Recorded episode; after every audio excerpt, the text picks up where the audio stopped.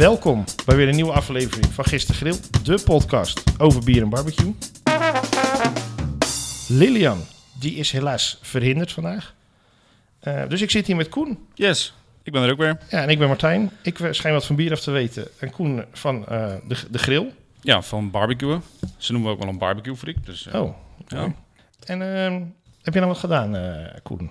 Nou, ik was in, ehm, in, in Dort was een, was een evenementje genaamd Elum. Eh middeleeuws, eh, elfen, eh, harnassen. Ik heb nog een- zo'n zo'n helm op gehad, was super lachen. Een soort fantasy fair-achtig. eh. Ja, zoiets. Castlefest-achtig. Oké. En eh, daar stond ook een brouwer. Dus Oh. even lekker mee staan te ouwen. Daar prachtig leuke beats bij. Ja. En ehm, ja, die brouwer heet Rien. En die is hier. Nou, wat een Goeiedag. toeval. Ja, Welkom Rien, bij de, Ja, podcast voor Gisteren leuk om erbij te zijn. Jij, jij maakt bier, Ja, jij drinkt bier. Absoluut. En je barbecued. Ja, En ik barbecue ook nog, Kijk ja. nou. Dat dan wel Ja. laatste wel als hobby, maar bierbrouwen is ook als hobby begonnen, denk ik. uiteraard. Nou ja, en vanuit die hobby is best wel wat eh, professioneels gekomen. En voor de mensen die mij eh, eh, misschien niet kennen, die luisteren. eh, zoals gezegd, ik ben Rien. Ik ben eh, de brouwer en eigenaar van eh Brouwerij Eventree uit Dordrecht. Ja, al wat jaartjes als eh, brouwer aan de slag. We proberen altijd wat eh, leuks en divers te brouwen met verschillende bierstijlen. En eh, ja, zo proberen we mensen altijd eh, echt wat lekkers eh, voor te zetten. Nou, ik heb ook wat te drinken meegenomen. Zal het blikje even openmaken? Fijn, want ik heb dorst. Nou, dat is even Klinkt goed. moet schenken. Zo, bijzondere kleur. Ja, hele bijzondere kleur. Het is eh, Zuurig in de neus. gelig. Met een, eh, hij schuimt heerlijk. Het is wel gelijk weg het schuim, maar hij schuimt goed. Beetje brettig. Ja. De wild, eh wild Ja. hier. Het is wel echt anders dan een lacto. Het is echt een bret wild. Ja. Oh, dit is zo lekker, jongens. Wat proef je? Ja, abrikoos. Ja. Veel, veel bubbeltjes. Echt een soort champagne-achtige... Ja, hij parelt mooi. Is eh, gewoon lekker fris. Ja? Dat eh, goed om. Ja, en ook niet te zwaar. Dus eh, ook goed met mooi weer eh, op het terras. Zou ik, Ik heb ook eigenlijk eerlijk gezegd niet naar het alcoholpercentage gekeken. Maar welke stijl denk je dat is? Een zuurbier. Nee. Nee, het is geen zuurbier. Nee, het is geen zuur bier. Oh, hij proeft wel zuur. Het is ook eigenlijk helemaal geen bier. Oh, wacht even. Heb je nou weer zo'n bijzondere stijl meegenomen? Ja, nee, het is helemaal geen bijzondere stijl. Hij is alleen ondergewaardeerd in Nederland. Is het een cider? Want ik, ik ruik wat zwavelig. Het is een cider inderdaad. Oeh. Het is een, een cider met bret. eh, Het is een wildvergiste cider ja. van Elegast. Oh, Ah, De Revival een dry rosé cider. Zij zou ook wat bloemig moeten zijn in de neus. En ik ruik dat er wel een beetje in terug. Maar toch wel het stro, het bret ja, domineert wel. Niet dat het eh, bijzonder vervelend is. Zelfs aangenaam. Lekker fris. We doen alles Maar- wildvergisten. Maar het bloemige, nee. Haal je er wat minder uit. eh. Ze omschreven hem zelf nog als, als droog. Nou, dat is die zeker. En eh, Mm. eh, als appelwijn. Want dit is een revival. die appel haal ik er niet heel erg uit hoor. Jij proeft niet dat dit een... Jij proeft hier geen appel in. Het, eh, het proeft echt naar vergiste appel. Ja, Want wat veel mensen Ja. met ciders hebben en dan wat eh, ja, even buiten, net als Elegast en noem maar op, eh, de Bretonse ciders waar Elegast natuurlijk denk ik ook wel zijn inspiratie vandaan haalt. Ja, zaken als eh Jills en... ja dat, is, eh, dat is geen, geen cider. dat is geen zoet- cider. zoet, eh, dus zo- zoete appelsap. ja, En zo zijn er nog wel een aantal. Die worden nagezoet. En dan Ja. vaak ook nagezoet met appelsap. ja, en, Dus, dus je houdt altijd die onvergiste appelsap smaak. Eh, en bij dit soort ciders om, heb je echt de vergiste appelsmaak. En Ja. dat is echt een ander, andere Ja, smaak. dat is, dat is waarom ik hem waarschijnlijk niet er zo Ja. volle bak uithaal. naar de, dit gaat naar de, de Bretons of de Normandische Ja. ciders toe. Want dat, Dat, zie, dat merk je ook Dat bijvoorbeeld zie je wel eens uit, eh, ja. bij eh medes. Proef je dat bijvoorbeeld ook? Hè? De, de wat meer commerciële medes worden, na, worden gepasteuriseerd en nagezoet met honing. Mhm. Eh, de kleine, de craft medemakerij doen dat niet. vind ik ook naar honingsmaak hoor. Smaakt ook naar honing, maar op een hele andere manier. Vergiste honing heeft echt een heel ander smaakprofiel dan Ja, eh, zuivere ja, honing. Ik blijf het er toch uit dat ik mede vind ik niet... eh Nee, dat is ook niet mijn ding hoor. nee, vooral eh, 10%, je slurpt het zo weg, het is zoet. Ja, dat zeker. Dus Ik had één keer eentje met, eh, eh, met bosbessen, blauwe bessen erin. Die was wel lekker. Die was als licht, eh eh, licht pareltje in. Van de, ah, die was geoxideerd. Of Ja. tenminste, die had carbonatie Ja. gekregen, wat niet de bedoeling was. Mhm. Maar had hij wel gekregen. En dat maakte hem voor mij heel erg lekker. Maar... Nee, Elegast in eh, Tof. 2016 begonnen. Eh, Arjen en Teun eh, zijn ermee begonnen met 400 liter. was de eerste batches. En het laatste jaar hebben ze 100.000 liter weggedraaid. Zo. Dus dat zijn een hoop meer appels. Hun, hun persen de appels. Mhm. Eh, daarna gaat het in eh, IBC's. Deel gaat in IBC's. Ze hebben tegenwoordig ook eh, voeders. Die komen bij Mhm. oersoep vandaan. En ze hebben eh vergistingtanks eh, die bij een Franse of bij een wijnboer vandaan komen gebruiken. Ze. En die zijn ze nu allemaal aan het vullen. En een, een nieuwe rosé-lijn is ook op blik. Dus dit is de eerste Nederlandse craft cider op Leuk. blik. Tof. Eh, ze hebben de Revival en nog twee andere. Waar ze mee Mhm. beginnen. De Revolution en de... Ja, dit krijg ik te horen dat ik het niet weet. nee, ze zijn begonnen om de, om de hoogstamboomgaarden in Nederland een beetje... eh, want Hm. er hangt veel fruit in, maar niemand wil het plukken. Want het levert niks op, of weinig. Mhm. En het verschil met de, met de Nederlandse en de eh, Franse cider is... dat de, de echte ciderappels zijn heel bitter Mhm. en die zijn heel hard. Ja. Dus die Fransen zijn heel erg lui. Die wachten gewoon tot alles uit de boom gelazerd is. Raap het op, maak er cider van. Dat gaat helemaal top. Maar de Nederlandse handappels, zodra ze de grond raken, zijn ze praktisch beurs. Mhm. Oké. En dan kan je er eigenlijk geen lekkere cider meer van maken. Ah, oké. Het wordt koud geperst. Het wordt in de voeder dan wel de IWC eh, bewaard voor een aantal maanden. Ja. Daarna gaat het eventueel nog op vaten van bourbon, sherry. Hm. eh, je kan het zo gek niet verzinnen. Mhm. En dan wordt het eh, geblend dan wel. Ze maken ook met champagne methode ciders. En de keuze is Tof. reuze. Ja, ik vind deze wel een hele mooie. Hij is wel droog, maar hij is niet zeg maar gorddroog. Wat je wel eens met Bretonse ciders kan hebben, dat je zegt van eh, mijn tong trekt weg. De extra bruut, zeg maar. de extra bruut, dat is voor mij ook een beetje te. Maar dit vind ik wel heel plezierig. Ja, ik vind ook nog, daar heb ik ook nog een heel klein, heel klein licht roze tintje in de, in de, in de kleur. Dus een beetje tegen licht en oud. Hm. Ja, is heel fris en lekker. Je zou ook niet zeggen dat hij 7% is. eh. Is die 7%? hij is Zo. 7,1%. Nou, dan is die stevig aan de... eh, de, de Franse Ja. ciders gaan eigenlijk nooit boven de 5. Klopt, ja. En eh, nee, ja, is, eh, dat is ook het verschil tussen de Nederlandse handappels zijn over het algemeen wat zoeter. Ja. Meer suiker, meer alcohol. En daarom zal die altijd wat meer alcohol hebben dan de Franse ciders.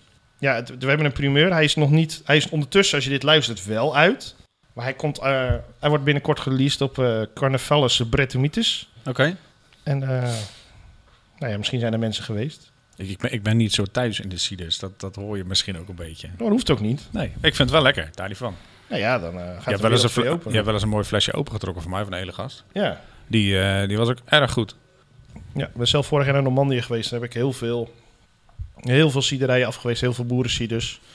Van de, de, de bekend grootste van Normandië. Mhm. Nog wel craft, zeg maar. En dan tot echt een ciderboer die twee flesjes verkoopt. En een klein schuurtje hebt. En superleuk. Eh, ook vlak achter de Dat heeft ook wel wat, hè? en- Juist Ja. zo'n zo'n zo'n klein boertje, zeg maar. Ja, en het verbaasde me dat ze allemaal Engels spraken en dat je overal kon pinnen. Nou, ja, het is natuurlijk één grote Engelse vakantiekolonie ook eh, Ja. een beetje aan die kust. Dus. En Engelsen zijn ook ciderdrinkers, dus die zien hun markt wel, eh Nee, die Franse zeker. boeren. Nee, ik vind cider vind ik echt wel een vak apart. Echt heel anders dan eh bierbrouwen. Cider draait echt om de balans tussen de appelsoorten. En daar keuzes in te maken voor je smaakprofiel van je cider. Dus dat is echt wat... En ik heb wel vaker wat van Elegast gedronken ook. En dat vind ik ze echt heel goed doen. Ze, hebben ook een echt een, eh, ze maken ook een, eh, ja, terraarserie waar ze dan per boomgaard Mm. eh, appels van doen. En daar zat op een gegeven moment, voor een jaargang zat er verschil tussen. Want het eerste jaargang was eh, bijna tropisch fruit wat je proeft en alles. En het jaar daarna werd die blauwe kazig. Hm. Dus ze hebben dat nagevraagd bij die eigenaar. Die zei, ja, ik heb een batch appels van de buurman erbij gedaan. Toen zeiden ze, bedankt. Volgend jaar even splitsen. Dan kunnen we, beter, kunnen we nog beter Ja. Je, je, je smaakprofiel van jouw boomgaard. Want dat zijn ook die- gisten die daar zitten. Het is niet alleen de appels, maar ook de, Mm. de gisten die in Ja. die boomgaard Mm. wonen. Die daar toch invloed op hebben of kunnen hebben. Dan hebben wij eh, hier eh, op tafel het eh, nou, bijna beroemde rad wel staan, mag ik zeggen. Beruchte rat, inderdaad. Beroemd berucht. Wat gaan we klaarmaken, Koen? Op Nou. het nog nader te beslissen barbecue. Ik heb weer een, eh, een leuk gerechtje eh, bedacht. Dat is een carne asada. En die doen we lekker op een tacootje. Eh, eh, carne asada betekent eigenlijk letterlijk gegrild vlees. Ja? Maar vaak marineren ze dat eerst. Ehm, maar daar ga ik zo van alles nog wat op- over vertellen. Zal ik eens aan de rad eh, draaien? Ja, ik, ik hoop echt Geef zo te zeggen barbecue. Yes! Daar is die. we hebben hem! Dit wordt een uitdaging. Het is de wegwerp barbecue. Nou, op zich is dat niet een heel groot probleem met dit gerecht. Nee, beter deze dan vorige week. Zo. dat, werd, eh, dat zou een een redelijke uitdaging worden. Ja. Nee, carne asada eh, maken we van flanksteak. Een Oké. flanksteak is van de vang eh, eh, van, het, eh, van het rund. Wordt in Nederland ook wat vinkelap genoemd. Vinkelap. Ja, de bavet komt ook uit, die, eh, uit dat gedeelte, zeg Ja. maar. Maar de flanksteak heeft wat langere draden, eh, heeft een wat fijnere structuur en heeft minder marmering. Eh, daarom kies ik zelf vaker een flanksteak dan een bavet. Ten eerste een bavet, als het naampje bavet erop staat, dan gaat de prijs drie keer over de kop heen. ja. En een flanksteak is nog niet zo heel erg bekend, dus bij de macro heb je twee prachtige lapjes voor 8 euro al. Oh. Ja. Nou, dat hoef je met een eh, bavet absoluut niet te proberen. Nee. Alleen je moet tegenwoordig, bij de macro is het nog netjes gescheiden, maar je moet soms bij sla- sommige slagers wel op gaan passen, want soms wordt eh bij v- flanksteak gewoon als bevet verkocht. Ja. Ja, of je Eh. vraagt naar eh flanksteak en je krijgt een bavet voor ook de prijs van een bavet. Dat is, Ja. Nou, als je krijgt voor de prijs van een flanksteak is het niet zo erg. Dan is het niet erg, nee. Even kijken. Nou, ca- carne asada is dus gegrild vlees. Ja. Eh, die marineren we eerst. En niet een hele dikke, zware marinade, maar gewoon lekker fris. Olijfolie, een beetje sinaasappelsap, eh, limoensap. En ehm daardoorheen gewoon een paar leuke kruiden. Eh komijn, knoflook, peper en zout. Koriander. Oh, lekker. Ja? Nee. Nee, dat dacht ik al. Korianderzaad. Is al, is al beter, maar echt puur koriander zeepsop. Ja, jij hebt echt dat, eh, dat, dat gen, hè? wa- wa- waardoor niet, jij... eh, eh, vers koriander. Laat hem maar af, jongens. Zeg niet. Nou ja, goed, dan gooien we ook een klein beetje jalapeno bij. Dat is dan wel weer lekker. Mengen we even lekker door elkaar. Eh, daar doen we de, de flanksteak door in een ziplock zakje. Eh daar gooi je die, die marinade bij en die laat je twee uurtjes marineren. Of als je ja, geen tijd hebt, doe je het avond van tevoren. Laat je hem lekker een nachtje erin, eh, erin zitten. Maar is die dan niet al gaar doordat je sinaasappelsap en... en Limoensap. Er wordt het zoals wat zuurig, toch? Dan gaart Dat is toch? inderdaad zuurig. Dat kan hem een klein beetje laten garen. Maar je hoeft er ook niet bakken met limoensap bij te gooien. Ja, sinaasappelsap is ook wel zuur natuurlijk. Dit, dit is puur voor het, voor het smaakje, zeg maar. In andere gevallen zou je hem inderdaad kunnen laten garen in citroensap of azijn bijvoorbeeld. Ja. Eh, in dit geval is het puur voor het, eh, voor het buitenste laagje lekker te, te laten marineren. Nou, die barbecue die gaan we eens eh, Uit verpakking uit halen. verpakking halen en, en in elkaar zetten. Er zit zo'n stalen framepje onder natuurlijk. Ja. Er zet er een tegel onder, want de hele barbecue wordt warm. De onderkant, de zijkanten, alles. ja, ik heb ze op houten tafels wel ingebrand zien staan. eh. Ja, Oh, zit zo'n rekje onder, kan wel. Nee, ik heb het een keer bij de stijger gehad. Oh, Ja. leuk. Na het laatste speklapje flikker die door de stijger en lag je in het water. Ook niet handig. Ja, op zich, het is een hartstikke grappig ding hoor, om dingen op klaar te maken. Maar het is echt het, het, het supermarkt barbecue eigenlijk. Hmm. Je houdt je plastic van het vlees. eh, ja, je, je, gooit je gooit het ding hamburger aan. Je gooit je Ja. hamburger erop. Je draait hem 50 keer. En hopelijk is hij niet zwart aan één kant geworden. Ja, en Ehm. je sauslik en je satéetje. En, eh, ja. Aan de andere kant, voor zo'n stuk als een flanksteak kan het wel weer hebben. Kort en Echt heftig. kort en heftig. Ja, kijk, zo'n flanksteak is helemaal niet zo dik. Die is maar een eh, maximale centimeter dik. Mm. Dus die schroei je gewoon even op, op, op, op het heetst van de kolen, schroei je hem aan. En het maakt ook niet uit dat hij zo dicht bij die kolen is. Kijk, ik ben niet zo'n fan van de eh briketten die in die weg bij barbecue zitten. Eh, bri- briketten zijn geperste houtskool. En daar persen ze vaak van alles nogal doorheen. En zeker met die goedkope eh, eh, eh, supermarkttroep, zeg maar.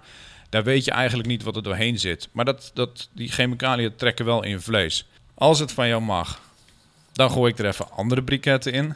En in plaats van briketten gooi ik er dan het liefst houtskool in. Die kan ik namelijk even flink aanzetten. De barbecue zelf laat ik hetzelfde. Dat is nog steeds de aluminium tray met ja, het... hè? Ja, wat is het eigenlijk? Gaas. Eh, Ja, meer is het niet. Kippengaas. Het is, het is niet echt een rooster of zo. Dikke kippengaas, ja. Maar het maakt ook niet uit dat die zo, zo, eh, zo, zo dicht tegen de, tegen de kolen aan zitten. En die maken we even flink, eh, flink heet. Roostertje erop. En dan eh, vanuit de zak vandaan laat hem eventjes iets uitdruppelen. Eh, maar de kruiden mogen er lekker op blijven zitten.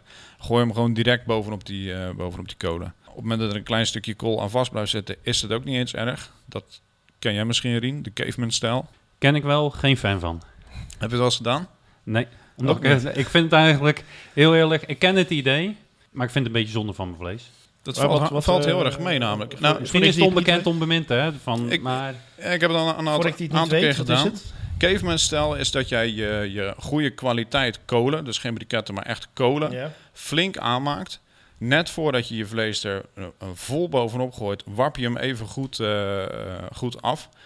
Gewoon met een stukje karton of wat dan ook. Dan gaan de grootste asdelen gaan, gaan van de kolen af. En dan heb je dus echt gloeiend hete kolen. En dan leg jij direct je ribeye of je flanksteak of bavet. Dat leg je er direct in. Wat er dan eigenlijk gebeurt is dat die, wat veel mensen denken, is dat het vlees direct kapot schroeit. Die verbrandt gelijk. Maar wat er eigenlijk gebeurt is dat het vlees de eh, brandende kolen afdekt en daardoor het dus tempert. Ja. En dan heb je dus een gloeibed waar jij in één keer het vlees op schroeit. Je draait hem om, schroeit hem aan de andere kant en je haalt hem er direct vanaf. Dus je hebt maximale hitte, hetzelfde wat jij op je gasbarbecue hebt. ja.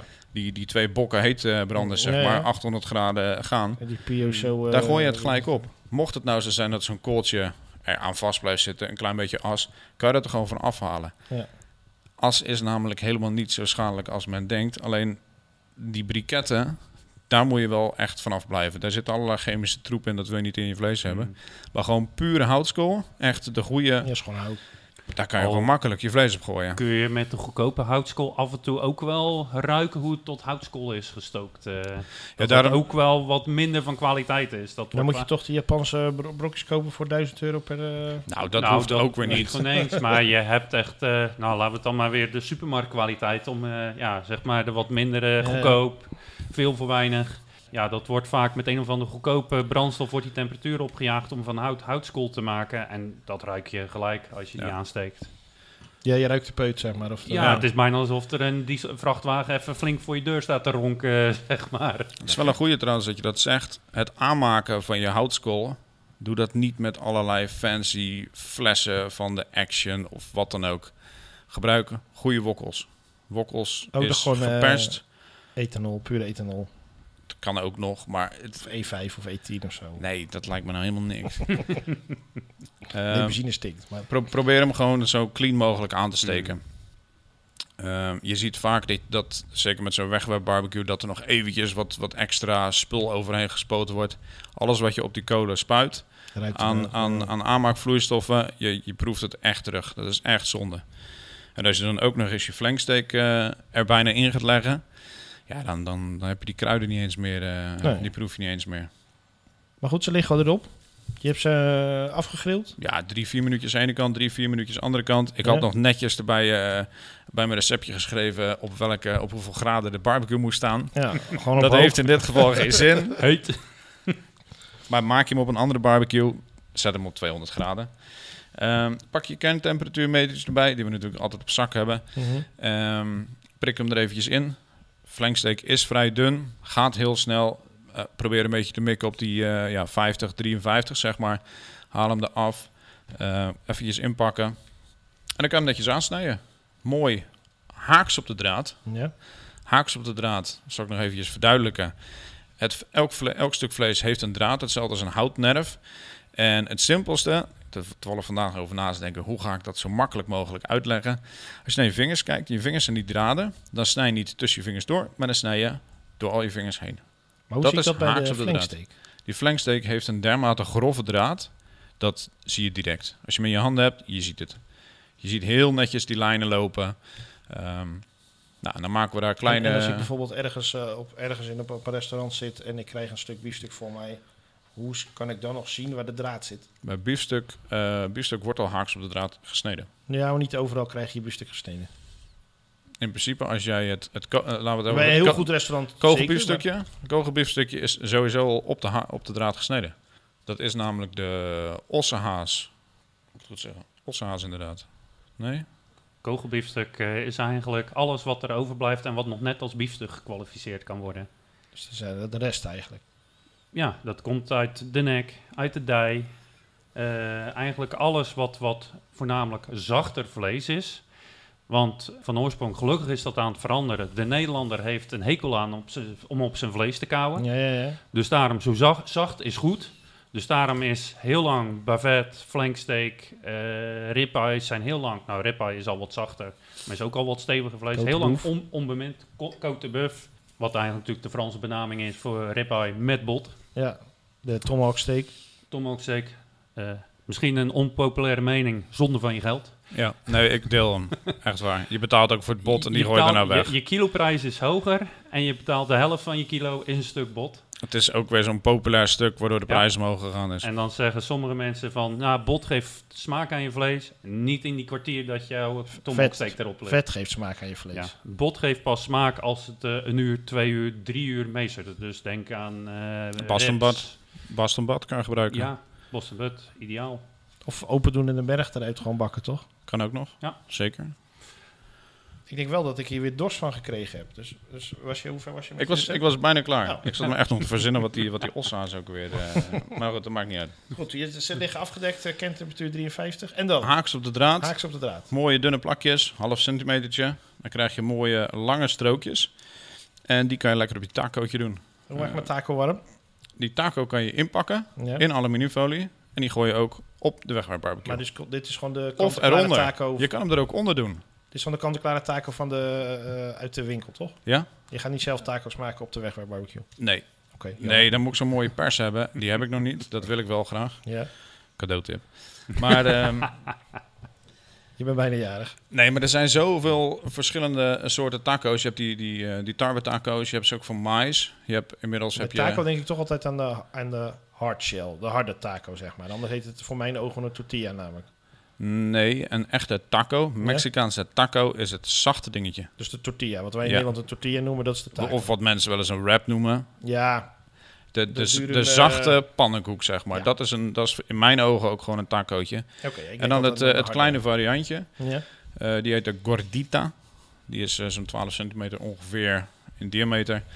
En daar kan je die mooie plakjes op doen. Ehm eh, pico de gallo zou er eventueel overheen kunnen doen. Koriander. Koriander inderdaad. Ingelegde ui. Eh, eventueel zou je er nog eh, eh, Mexicaanse rijst bij doen. Dus een Ja. rijst op smaak gemaakt met, met tomaat. Ehm, of baked beans. Dat is ook een mooie... Black mooie, eyed peas. Black eyed peas. Ja. Nee, Zwarte bonen. Zwarte, Zwarte bonen. Met, eh, dat zijn vaak bruine bonen. Baked beans. Oké. Maar ehm, nee, ja, daar kan je lekker op mee op smaak maken. En dan heb je een heerlijk tacootje met eh, het fris zure van, eh, van de ingelegde ui.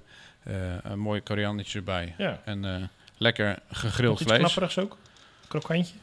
Nee, heb ik er niet bij bedacht. Wat Oh. zou je voorstellen? Eh, geen idee eigenlijk. ik ben echt blanco, blanco erin. Ja. Gefrituurde uitjes, maar dat vind ik overal op lekker. Maar Ja, nee, dat, nee, dat hoort er niet echt bij. Zou jij er nog iets knapperigs bij doen, Rien? Nou ja, wat ze vaak wel doen bij de Mexicaanse taco's is inderdaad iets gewoon vers ui. Dus eh rood ui of zo. Geeft ook een beetje dat pit. is ook een kna- knappertje. Of een Ja. beetje ijs. Kan Vers er dat ijs salade, dat is ook knapperig. Beetje, ja, konijnenvoer erbij. Konijnenvoer Ja. erbij. Konijnenvoer erbij. En daar moeten we natuurlijk wat bij drinken. Rien. Jij hebt daar Ja. vast wat bij bedacht. Ik heb daar wat bij bedacht, want ik eh, dacht dat eh moet wat lekkers zijn. Moet erbij aansluiten bij die robuuste smaken wat erbij past. D- daar kun je twee kanten op. Had ik natuurlijk kunnen kiezen eh, uit eigen brouwerij, maar dat heb ik niet gedaan. Want ik ben gegaan voor een eh, bevriende brouwerij en ik ben gegaan voor een stout. En wel te weten, eh, misschien voor sommige mensen die luisteren, wel een bekende, eh, de rotmelk. Van de, van de rotbrouwers Uit Rotterdam. uit Rotterdam. Heel veel rot in Maas. is in. Goeie bekende van mij. We kennen eigenlijk, eh, ja, toen ik met Eventry begon en zij met Rotbrouwers, zijn wij allebei begonnen eh, als huurbrouwers bij Steffelaar in Spaanse polder. Ik maak hem even open ondertussen. Dan kunnen we... Kijk, dat klinkt goed. En sindsdien is eigenlijk contact gebleven. Al een keer een collab met elkaar gebrouwen een aantal jaar geleden. Misschien wel weer eens tijd voor een nieuwe. Ja, ik zou zeggen, bel ze. Ja. Eh, nou ja, dat gaat gewoon via de app eh, flink hoor, want eh, we spreken elkaar flink regelmatig. Ja, kijk, je hebt soms, kijk, net zoals je mensen in het wild tegenkomt, heb je dat ook eh, in de brouwerswereld. Ja, iedereen is gezellig, maar met sommige mensen heb je gewoon wat meer een klik. Ja, wij hebben dat eh, met rotbrouwers eh, zeker wel. Oké. Is het ook omdat jullie dezelfde doelstelling hebben als brouwer? Of als dezelfde ideeën voor hoe iets, hoe iets moet smaken? Of hoe iets Ja, moet dat zijn? ook wel. We merken wel als we het hebben over bieren en als we bijvoorbeeld... Dus, en dat is ook wel fijn als je een brouwer wat beter kent. dat je vaak ook eh, eens een beetje met elkaar kan sparren. Van, goh, ik zit hier aan een recept te denken. Hoe denk jij daarover? Want ik twijfel daar of daar nog aan. Hm. Dat je een beetje naar elkaar toe kan sparren van, om elkaar ook beter te maken in dat opzicht. Want, Eh, want waarom heb je deze specifiek gekozen voor bij de eh, tostada's? De, nee, de carne Eh, asada? nou, ik neem even een lekker slokje van dit bier. Mhm. Ik vond, ik, ik zat een beetje te twijfelen van of ik ga iets wat zich echt afzet, want het is vrij robuuste smaken, rund met kruiden, eh jalapeno's wat kruidig. Of ik dacht van het was iets wat meer in de smaak kruipt. En toen dacht ik aan dit bier. Ja. Is, is eh, niet te zwaar, want moet ik 5% even spieken, dacht ik. is, even spieken hoor. Is inderdaad 5%. Dat is een mooie, mooi voor een milkstout. Is dat een hele prima alcoholpercentage? Precies. En dat houdt hem ook wat fris, waardoor eh, ook al heb je zo'n gerecht, eh, hij is niet voor een milkstaat ook niet extreem zoet. Ja, je blijft gewoon nog de roostsmaken proeven, dat houdt hem Ja. wat frisser. Hij is ook niet te eh, vol in de mond. Door Nee. Vaak heb je, dan gooien ze er zoveel lactose in Ja. dat, die, dat je er moet kauwen, zeg maar. En dat vind ik bij deze van Rot wel heel erg prettig. Dat houdt hem wat frisser. Eh, en ik denk dat dat gewoon heel mooi combineert met die taco en met die smaken van het Ja. rundvlees en de kruiden die daarbij zitten. Ja, ik snap inderdaad wel waar je vandaan komt. Je hebt die, dat, dat klein beetje chocola-achtig, die, die, die koffietoon heb je erbij, dat, eh, dat grillige. dat grillige inderdaad. Hè, we hebben het in, de, in een van de eerste afleveringen ook gehad over het kruiden van bijvoorbeeld rundvlees. Daar kan je ook cacao of koffie voor gebruiken. Mexicaanse keuken wordt veel cacao gebruikt. In de, Zeker. In de, in De moles. in de moles, inderdaad. Lekker man. Absoluut. En toen dacht ik van ja, om dan gelijk naar een dikke vette Imperial stout te kruipen, dat vind ik dan dingen. Maar juist met zo'n gerechtje, Ja. wat lichtere stout, wat ik hier bijvoorbeeld ook, en daar zit deze al een beetje die kant op, is gewoon echt een klassieke Engelse stout. Dus 3,5, 4 procent, Ja. niet te zwaar. Of die Ierse dry stout, zeg maar. Ja, dat eh, kennen we in Nederland ook niet zo ben ik fan van hoor. Van, van sessionable bieren van eh, laag 3, 3,5 procent. Maar wel gewoon smaak. Maar dat is best nog wel moeilijk in Nederland, dat alcoholpercentage. Eh, wij hebben een aantal jaren geleden een bier met 2% gehad. En je, en je merkt tussen de 2 en 4% bier, en dat hoor ik ook van andere brouwers, die lijken in, in een soort niemandsland te vallen. Mensen kiezen of echt voor, bewust voor alcoholarm, alcoholvrij, Ja. Mhm. of ja, het moet wel minimaal 5% zijn. ja. Oh nee, daar Dus- kijk ik dan weer niet naar. Want zeker niet als je in Engeland bent. Alles is daar. Ja, ik heb er ook absoluut geen moeite mee. Dat, eh, We waren in, eh, in Belfast en toen vroegen we een stout. Zei die man, ze is heel erg zwaar. Toen zei ik, oh, oh 13, 14 procent? Nee, 7. Nou, Oké, ja, prima joh, is goed joh, kom maar op. Want alles is daar 4, ja, 4,5, 3,5. ja, In, Ja, in eh, Scandinavië kunnen ze dat natuurlijk ook eh, vrij goed. Maar dat komt Ja. door hun systeem dat ze maar tot 3,5% in de, in de supermarkt mogen verkopen, dacht ja ik. zoiets. En dan ga je naar de staat uh, ja. Ja. En dan gaat natuurlijk ook flink de accijns omhoog daar. En dat heeft natuurlijk in Engeland een beetje vergelijkbare historie. Dat Ja. vroeger daar vrij veel accijns op heeft gezeten op bier. Dus zie je echt een markt tot een procent of zes. Ja. Oké. Eh, en dat zie je dus ook in de kraftbieren heel erg. Dat dat in die alcoholpercentages. Ja, bij mij zitten 3, 4 procent altijd nog steeds ingebakken dat dat, dat tafelbier is. Mm. Tafelbier is nog lager in alcohol. Nee, die was 3 procent. Tafelbier zijn 3%. Dat, Ja? zie, Ja. dat zie je dus ook, om weer terug te komen op de cider. Als je in Bretagne, Normandië, de tafelciders zijn 3, 3,5 procent. Ja, maar die zijn vaak zoet. Hoe zoeter die Nou. cider is, hoe, hoe minder, eh, hoe- hoeveel rest Nou, wisselend. Het is zeg maar, je kan ze ook redelijk droog. eh, Oké. dat, eh, Want een, een- tafelbier wordt als tweede keer eh, eh, met, met de mouten gebrouwen, toch? Zeg ik dat goed? eh, tegenwoordig wel, ja. Van Ja. oorsprong en dan gaan we echt heel ver terug.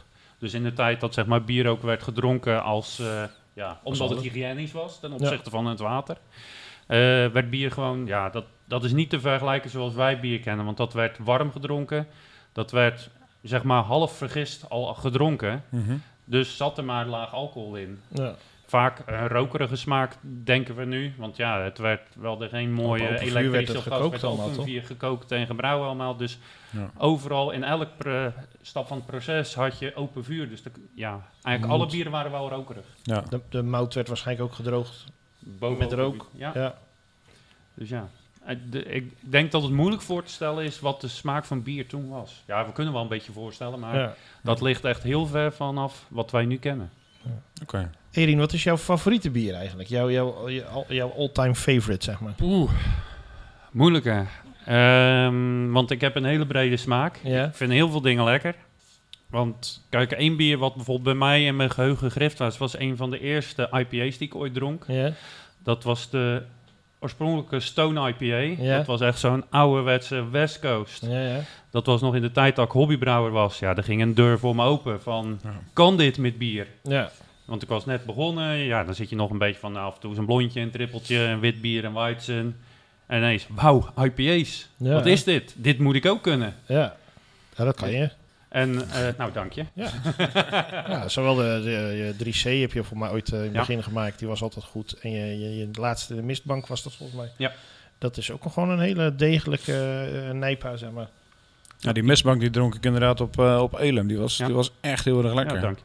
Bewuste keuze om ehm, een wat drogere New England IPA. Ja. Beetje inspiratie gehaald uit de oorspronkelijke Juice Punch van eh, Frontaal. Die waren natuurlijk ook wat droger, voor wat meer doordrinkbaarheid. En daar heb ik een beetje qua smaakprofiel mijn inspiratie uitgehaald van om die kant op te sturen van nou, daar wil ik naartoe. Ja, en voor een eerste New England IPA die ik ooit gebrouwen heb, ben ik wel heel tevreden hoe die eruit is gekomen. En dan, dan heb je zoiets van, nou, dan gaan we een volgende batch gaan we eens een beetje sleutelen en eh, om hem steeds lekkerder te krijgen. Nou, dat is altijd goed. eh, hoe meer Ja. versies, hoe beter. Ja, want je experimenteert veel. Hè? Je, de, Ja.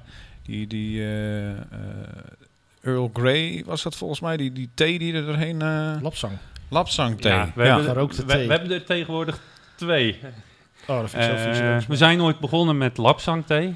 Ja, die is, dat is een bier voor mij en dat, die staat bij mij ook met mijn, om over favoriete bieren te hebben, bij mij vrij hoog. Ja, Eh, ook vanwege een stukje emotie, Ja. Eh, want dat is het eerste bier waar ik als hobbybrouwer een prijs mee won. ja. Ehm, Nee, mensen die de smaak eh, waarderen. Ik vind gewoon, Ja. ik vind rook, ik vind lapswandthee echt heel vies. En ik Mm. vind eh, gewoon die rooksmaak vind ik niks. Eh, mm, maar mensen die dat wel, die smaak kunnen waarderen, zeggen dit is wel echt gewoon heel goed. Dus ik, ik snap ook Mm. dat jij die prijs daarvoor gekregen hebt. Het is mijn smaak niet, maar Ja. de kwaliteit doet er niet aan af, Ja. zeg maar. Nee, en dat is natuurlijk, ja, met thee wordt wat minder vaak gedaan. Vond ik leuk om toen eens als hobby te mee te experimenteren. En toen we commercieel gingen, om het zo maar te noemen, ja, had ik zoiets van, dat bier moet gewoon in het assortiment Ja, komen. Zijn we net voor corona ook een keer nog beloond eh, in de professionele bokbierkampioenschappen. In de speciaal bokbier hebben we een tweede prijs gewonnen. Ja. Dus dat geeft voor ons ja, ook een stukje bevestiging dat we gewoon met kwaliteit eh, brouwen. Ja. Eh, en sinds een aantal jaar hebben we daar nu de wat frissere tegenhanger van. Juist met een groene thee, onze Fennelwise. die vond ik dan weer wel eh, fris en lekker, Ja. zeg maar. Eh, juist dat idee is ontstaan van we wilden, juist omdat eh, rookbieren ja, een haat-liefde verhouding heeft voor heel veel meer. Begrijpelijk ook, ja. Ja. Het is, je houdt ervan of niet. Nee. Ehm, ja, had ik zoiets van, we gaan eens een wat toegankelijker, lekker frisse eh, lente-zomer tegenhanger van, eh, Nee, van brouwen. dat is prima gelukt. Ja. Hey Rien, wij doen ook altijd, jij luistert wel vaker naar eh, onze podcast. Mhm. Wij reten eh, onze bieren niet eh, op punten of dingen. Wij hebben een systeem met vijf. Eh, dus dan hebben we de top Ja, 5. de dus top we gaan van bieren. eh, de, de cider eh, in de top 5 zetten eventueel. En de, en de rot, eh, eh, rotmilk, of de rotmelk heet die denk ik. Ja, de Rotmelk, rotmelk. ja. Gaan wij in die top 5 zetten. Die is momenteel eh, nog steeds de Parfum de Printemps van Docht van de Kornaar. Dan eh, Maastricht Eicht van Gulpener. eh Stout of this World van Jopen. De Reinventing the Lightbulb van Weidok. En op plaats 5 nog de Blauwe IJsbeer met de Surprise Beer. Zeker. Ja, eh, voor mij is het duidelijk. Deze gaat op nummer 1, de cider. maar ik ben misschien klein, lichtelijk bevooroordeeld. Mm, Ja. Ehm, nee, maar het is gewoon echt heel goed. Maar het, eigenlijk kan die niet erin, want het is geen bier. nee, maar ja, wij doen ook een beetje wat we zelf willen. Ja, daarom. Dus, het is jullie podcast, dus... ja, Ik vond hem- jouw, jouw stem mag Zo- daar ook weer gehoord worden. Zoals ik zeg, ik ben niet heel erg eh, eh, eh, wegwijs in de ciders. Maar deze is gewoon lekker fris, doordrinkbaar. Ja. En eh, ja, prima voor de aankomende zomer zou ik zo Ja, zeggen. toch? Dus Ja. voor mij mag hij daar ook in. Nou, dan zet hem gewoon op nummer 1. Dat, dat zeg ik niet. Jawel. Hij mag in de top 5. ja, maar wel gaat er dan uit de top 5 en welke plek komt hij dan? Ja, vind ik hem beter dan Reinventing the Lightbulb. Dat is weer een beetje... eh, Ja, die staat op nummer 4 ondertussen. Dus. Ja, ja, maar vind ik hem beter, dan komt hij erboven te staan natuurlijk. Die, sta- die, die Jopen Stout of this World Het was is- wel, ook wel echt het is, goed hoor. Het is appels, appels en peren vergelijken is het. Appels en bier. Ja. Ik denk dat we hem, eh, als ik het mag zeggen, tussen eh Stout of this World van Jopen Ja. en eh, Reinventing the Lightbulb. Ik zet hem er wel boven. Oké, nou dan doen we dat. Denk je dat de rotmelk nog in de top 5 komt? Ja, daar staat ook die surprise, ja, die surprise beer Die surprise beer eraf gaat natuurlijk. Ik vind hem wel heel mooi. Ja. Maar ja, ik denk toch niet dat hij het redt tegen alle andere geweld wat erin Nee. staat. Die, die reinventing, anders moet die reinventing de lightbulb eruit stoten. En dat, eh, dat was voor mij wel echt een favoriet. Ja.